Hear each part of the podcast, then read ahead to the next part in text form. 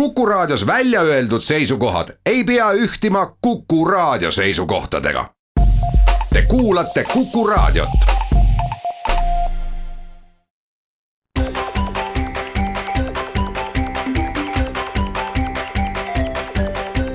maksumaksja koostöös Eesti Maksumaksjate Liiduga tere päevast, eetris on saade Maksumaksja, mikrofoni ees on Lasse Lehis.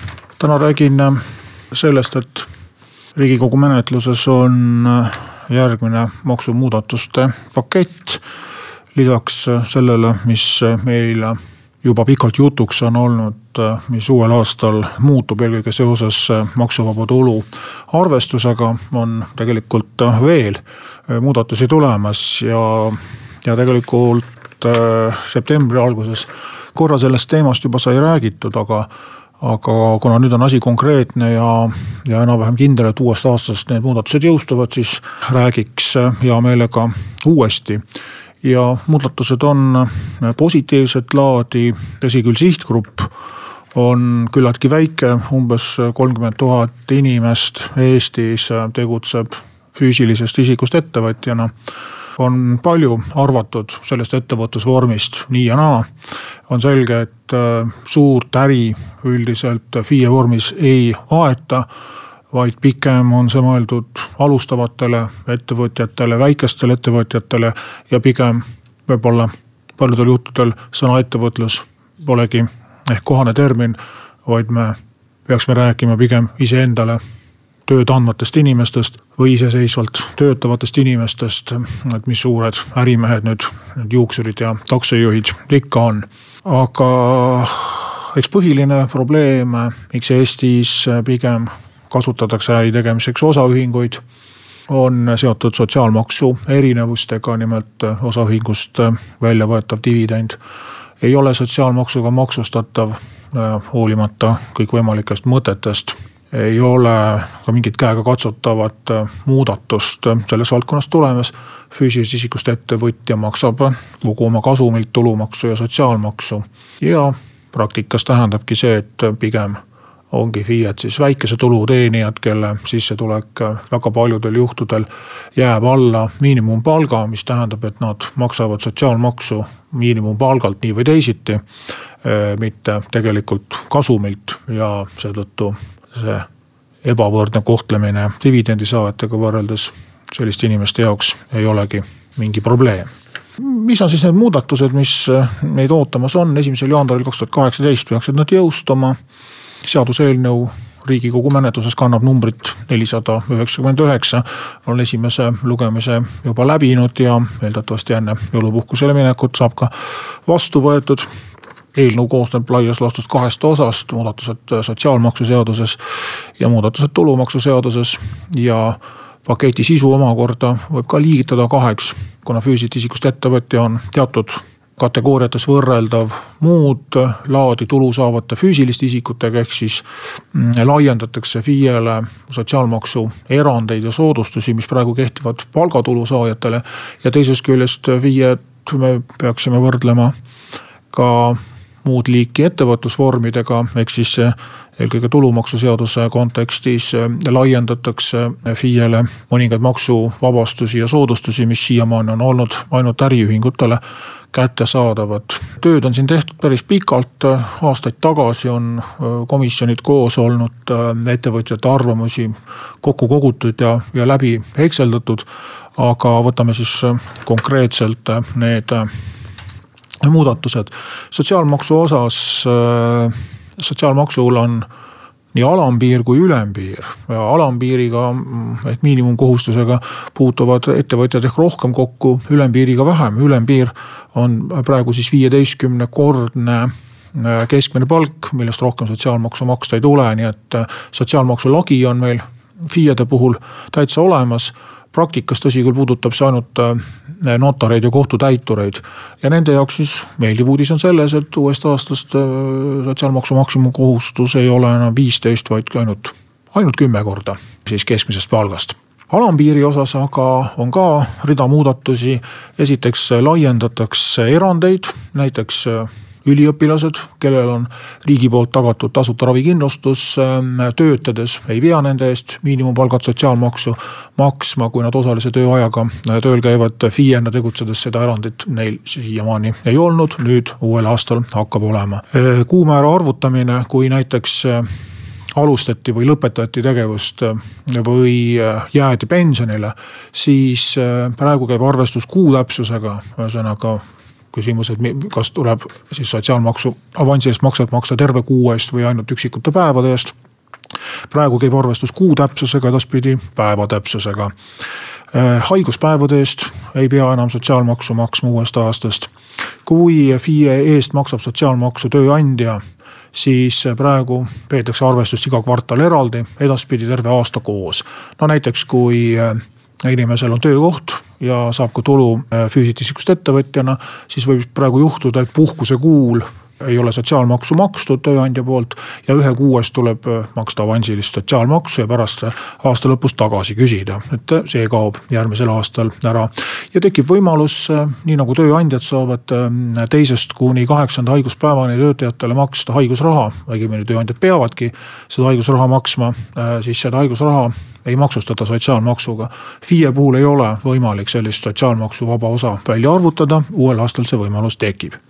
Tulumaksuseaduses äh, kui füüsilisest isikust ettevõtja saab tulu välismaal ja maksab tulumaksu välismaal ta tegeleb ettevõtlusega välisriigis, siis seda tulu Eestis enam ei maksustata uuest aastast. kehtib niinimetatud vabastusmeetod. välislähetuses käies töötajad saavad viiskümmend eurot päevas maksuvaba päevaraha, FIE ei saa midagi. uuest aastast tekib võimalus ka kuni viiskümmend eurot päevas toidukulusid dokumentide alusel kulusse kanda.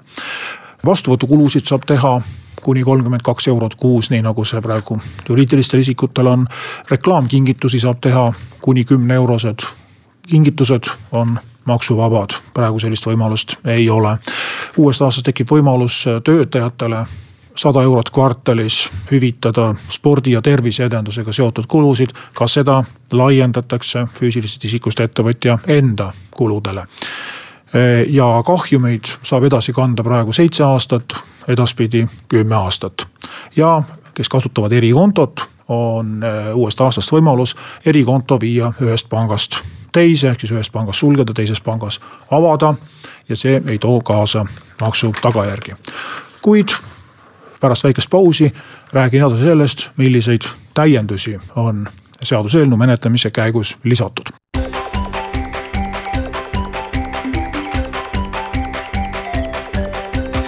Maksumaksja koostöös Eesti Maksumaksjate Liiduga. saade Maksumaksja jätkab ja kui saate esimene teema oli rõõmusõnumid füüsilisest isikust ettevõtjatele, siis eh, nüüd räägin sellest, kuidas järjekordselt Eestis seadusi tehakse hoolimata kriitikast ja lubadustest, et me enam kunagi nii ei tee. iga järgmine äh, kord läheb aina hullemaks ja jutt käib niinimetatud kobareelnõudest, kus siis äh, tuleb valitsusest riigikokku seadus, mis reguleerib ühte väga kindlat asja. meie näite puhul siis füüsilisest isikust ettevõtjate tulumaksu ja sotsiaalmaksu. ja kuna aasta lõpp on käes, kiiresti on vaja veel ühte, teist ja kolmandat muuta, siis äh, suure äh, kärtsu ja mürtsuga kleebitakse äh, siis enne viimasele hääletusele panemist eelnõule juurde täpselt kõike seda, mida parajasti vaja on.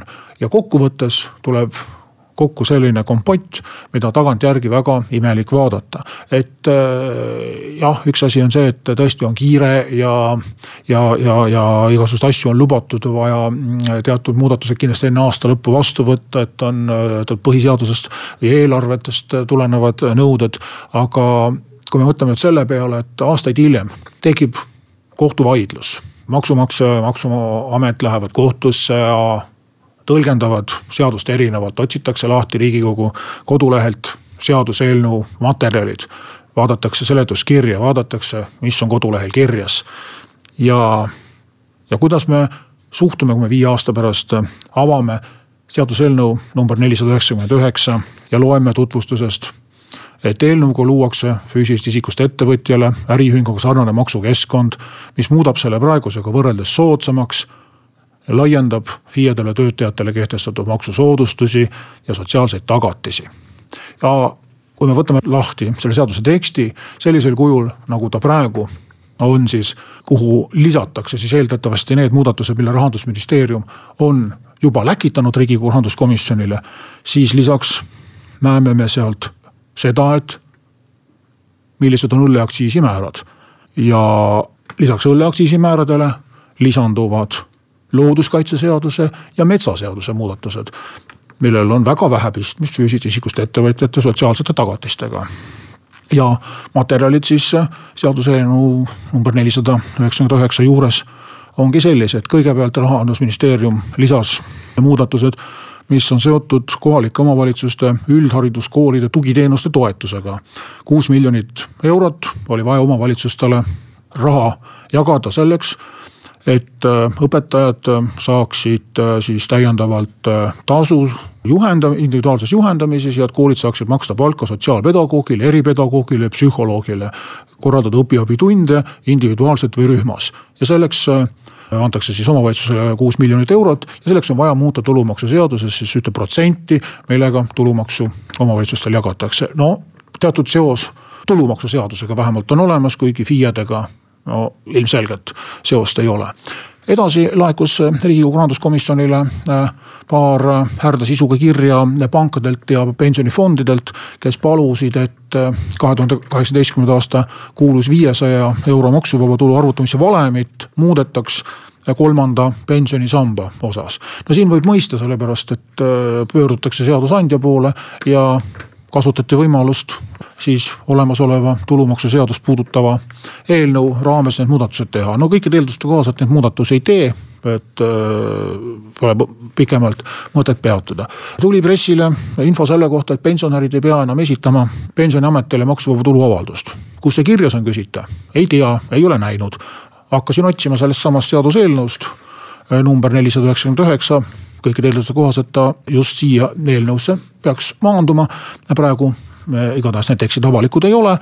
kuid jah, esmaspäeva hommikul üllatus-üllatus ilmus sinna eelnõu materjalidesse just nimelt õlleaktsiisiga seonduv, millest me oleme siis lehest lugenud, et järgmise aasta õlleaktsiisi tõus on siis algsega võrreldes poole väiksem ja lisaks siis keskkonnaministeeriumi poolt muudatused looduskaitseseaduses ja metsaseaduses, mille sisu on lühidalt selles, et äh, riik peab ostma maaomanikelt välja looduskaitsealused maad aga riigil ei ole selleks raha ja õiguskantsler on pidevalt teinud märgukirju, öelnud, et omanike õigusi rikutakse.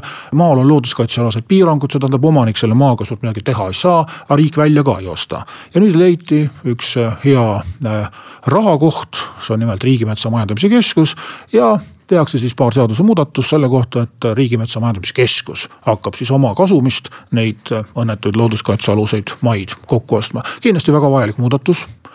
ammu on oodatud, nagu öeldud sai, õiguskantsler on kritiseerinud praegust olukorda. aga vabandage väga, mis pistmit on sellel füüsilisest isikust ettevõtjate sotsiaalsete tagatistega. et äh, võiks ja lausa peaks selliseid muudatusi menetlema eraldi seaduseelnõuna ja mis puudutab õlleaktsiisi, siis äh, sellest teemast on ju räägitud küll ja küll. ja kui siiamaani siis äh, oli küll konjunktuuriinstituut, küll kaupmehed, need, kes rääkisid, et piirikaubandus kasvab ja rahandusministeerium muudkui ütles, et äh, laekumised vastavad prognoosile lihtsalt prognoosi korrigeeriti iga kuu. siis nüüd loeme ka rahandusministeeriumi materjalis, et tõesti, tõesti kui kahe tuhande viieteistkümnendal aastal tekkisid esimesed piirikaubanduse ilmingud, siis kahe tuhande kuueteistkümnendal aastal peale esimese alkoholipoe avamist Ainažis tekkis juba märgatav piirikaubandus kirjutab meile rahandusministeerium. piirikaubanduse objektiks sai peamiselt kange alkohol ning lahja alkohol oli pigem sellega kaasnev nähtus. aga kahe tuhande seitsmeteistkümnendal aastal on oluliselt kasvanud lahja alkoholi õlle osa.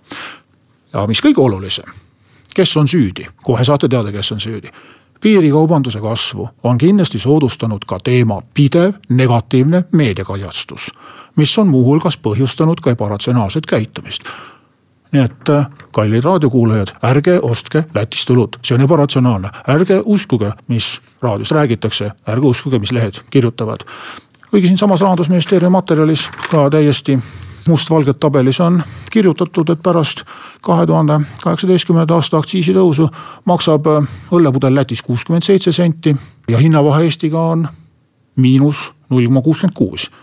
ja hinnavahe Eestiga on miinus viiskümmend protsenti, ehk siis äh, mitte Eestis ei ole panite tähele, mitte Eestis ei ole õlu kaks korda kallim kui Lätis, vaid Lätis on õlu viiskümmend protsenti odavam kui Eestis. see on väga oluline rõhuasetus ja poole liitri viinapudel Lätis maksab viis eurot kuuskümmend senti. mis on siis Eestis neli üheksakümmend seitse senti kallim ja hinnavahe jälle siis miinus nelikümmend seitse protsenti, ehk siis Eestis ei ole viin mitte poole kallim, vaid Lätis poole odavam alati aktsiisitõusude puhul räägitakse ka rahva tervisest. Eh, siis kui aktsiise tõstetakse, öeldakse, et eh, alkoholi tarbimine peab vähenema ja ka nüüd, kui aktsiisitõusu vähendatakse on ka juba rahandusministeerium välja arvutanud, et alkoholi tarbimine väheneb ja ebasoovitavate mõjude risk küll on, aga et iseenesest on siis kirjutatud seaduseelnõus, et Äh, sotsiaalministeeriumi andmetel on tervisekäitumise tendents positiivne, tervisekahjud vähenevad, suremus alkoholist tingitud haigustesse on võrreldes kahe tuhande kuueteistkümnenda aastaga vähenenud meestel viisteist koma viis protsenti, naistel kümme koma viis protsenti ja kokku neliteist koma viis protsenti. ja nii edasi, terve pikk rodu sellest, kui palju on joobes juhte rohkem või vähem olnud nii et kokkuvõttes siis ei ole vahet, kas riik tõstab makse, langetab makse, lükkab edasi, tõmbab tagasi. alati on rahandusministeeriumil õigus ja nii on see praegu ja nii on see ka edaspidi. ja kui on vaja seadust kiiresti muuta, siis muudetakse esimesse ettejuhtuvasse kohta. kui ei taheta seadust muuta, siis võib eelnõu viis aastat lauasahtlis vedeleda ja ei juhtu ka mitte midagi, nii on ja ilmselt nii ka jääb, sõltumata sellest, millised erakonnad moodustavad valitsuskoalitsiooni ja kes istub opositsioonis aitäh kuulamast, kohtume taas järgmisel nädalal.